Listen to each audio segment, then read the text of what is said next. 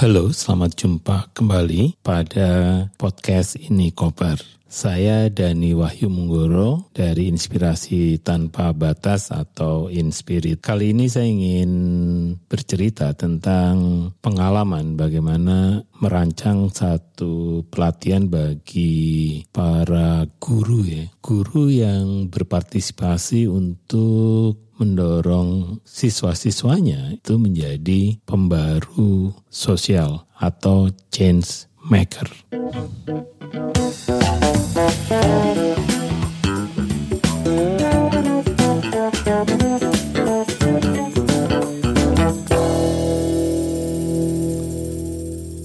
Kelas ini sebenarnya adalah kerjasama ya antara Asoka Internasional dengan beberapa organisasi di Indonesia khususnya adalah organisasi-organisasi yang disebut oleh Asoka sebagai organisasi Jiu-Jitsu. Organisasi Jiu-Jitsu adalah organisasi yang memiliki kekuatan-kekuatan yang luar biasa seperti NU, seperti Muhammadiyah, seperti KWI, mereka adalah organisasi-organisasi yang sangat besar, kemudian disiplin dan memiliki berbagai apa ya lini kegiatan mulai dari sekolah, rumah sakit, universitas dan sebagainya. Kali ini sebenarnya mereka belajar mencoba mendekati organisasi-organisasi jujitsu ini untuk bisa melatih anak-anak mudanya atau pelajar-pelajarnya untuk menjadi Gaharu Muda, yaitu gerakan pembaru Indonesia untuk kalangan muda. Gerakan ini sudah dimulai tahun lalu dan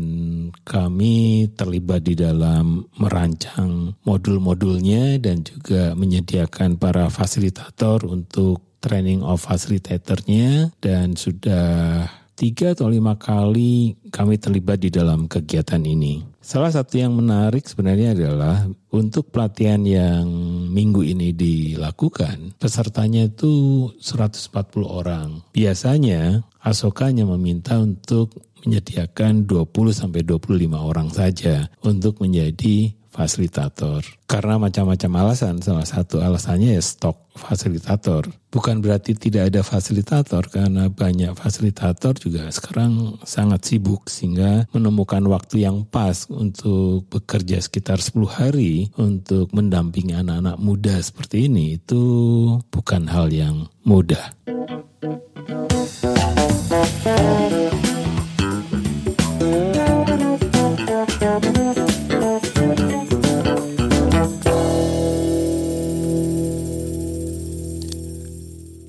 Kami akhirnya harus memutar otak supaya kelas dengan jumlah peserta yang lumayan besar ini bisa dilakukan dalam bentuk daring. Karena itu setelah negosiasi untuk memastikan bahwa 140 orang ini tertarik atau terlibat atau menjadi peserta aktif bagi calon pendamping dan juga fasilitator peserta sudah aktif. Nah, dengan cara ini, harapannya sebenarnya adalah bahwa hal-hal yang sifatnya konseptual itu dibahasnya di kelas-kelas yang lebih ringan dan juga waktunya pendek ya. Jadi pemberian materi itu hanya 30 persen, maksudnya 30 menit. Nah kemudian diskusinya 30 menit juga. Jadi kurang dari satu jam sehingga tidak membuang waktu para peserta karena rata-rata peserta adalah juga seorang guru. Tahapannya seperti apa untuk memastikan bahwa mereka bisa menjadi fasilitator change maker?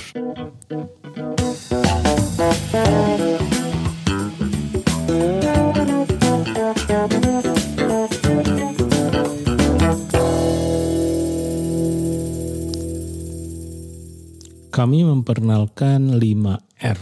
R yang pertama adalah rasa, R yang kedua adalah rai, R yang ketiga adalah rancang, sedangkan R yang keempat adalah rencana, sedangkan R yang kelima adalah rawat. Semuanya ini dibungkus dalam pendekatan asset based thinking dan juga vibrant facilitation dan sebenarnya appreciative inquiry juga. Jadi ini diramu karena dari pengalaman-pengalaman yang sudah-sudah ini membantu fasilitator untuk bisa membangkitkan energi-energi yang ada di dalam peserta dan kemudian diaktifasi menjadi sebuah ide-ide yang menarik dan kemudian direncanakan menjadi bentuk-bentuk prototipe yang bisa dilakukan dan juga bagaimana cara merawat supaya ide ini tidak mati di tengah jalan. Pada rasa kemarin sebenarnya sangat menarik karena refleksinya dalam ya dan bahkan Romo Gandhi dari Komisi Pendidikan KWI itu menyatakan bahwa ia menangkap bahwa proses ini sangat menarik karena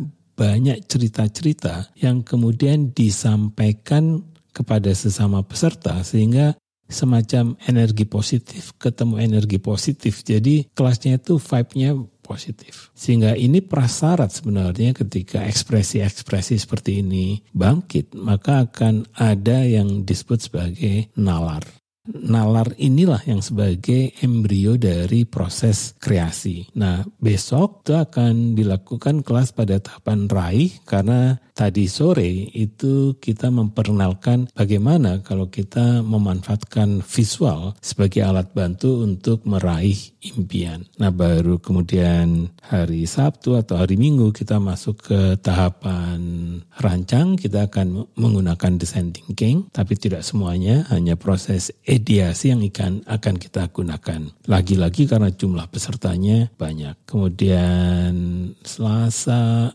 Rabu itu mulai masuk ke prototyping atau rencana, yaitu peserta menggunakan social canvas model gitu ya untuk bisa merancang bagaimana ide-ide itu dibentuk atau dikonkretisasi. Nah baru di bagian akhir itu mereka presentasi secara umum inovasinya dan ditambahkan bagaimana cara merawat ide-ide itu.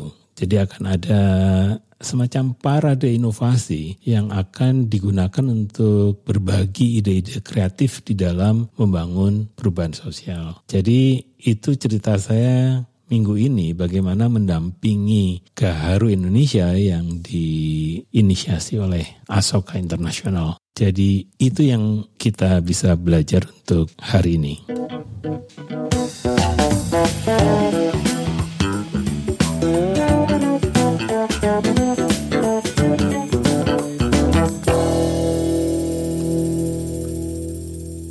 Demikian tadi materi atau cerita pengalaman kami mengembangkan modul 5R ya untuk membantu para guru dan juga fasilitator-fasilitator muda untuk menemani anak-anak muda di sekolah-sekolah menjadi pembaharu sosial. Kami di ini Koper percaya bahwa berbagi cerita-cerita seperti ini itu akan menginspirasi komunitas perubahan. Sampai jumpa pada edisi berikutnya.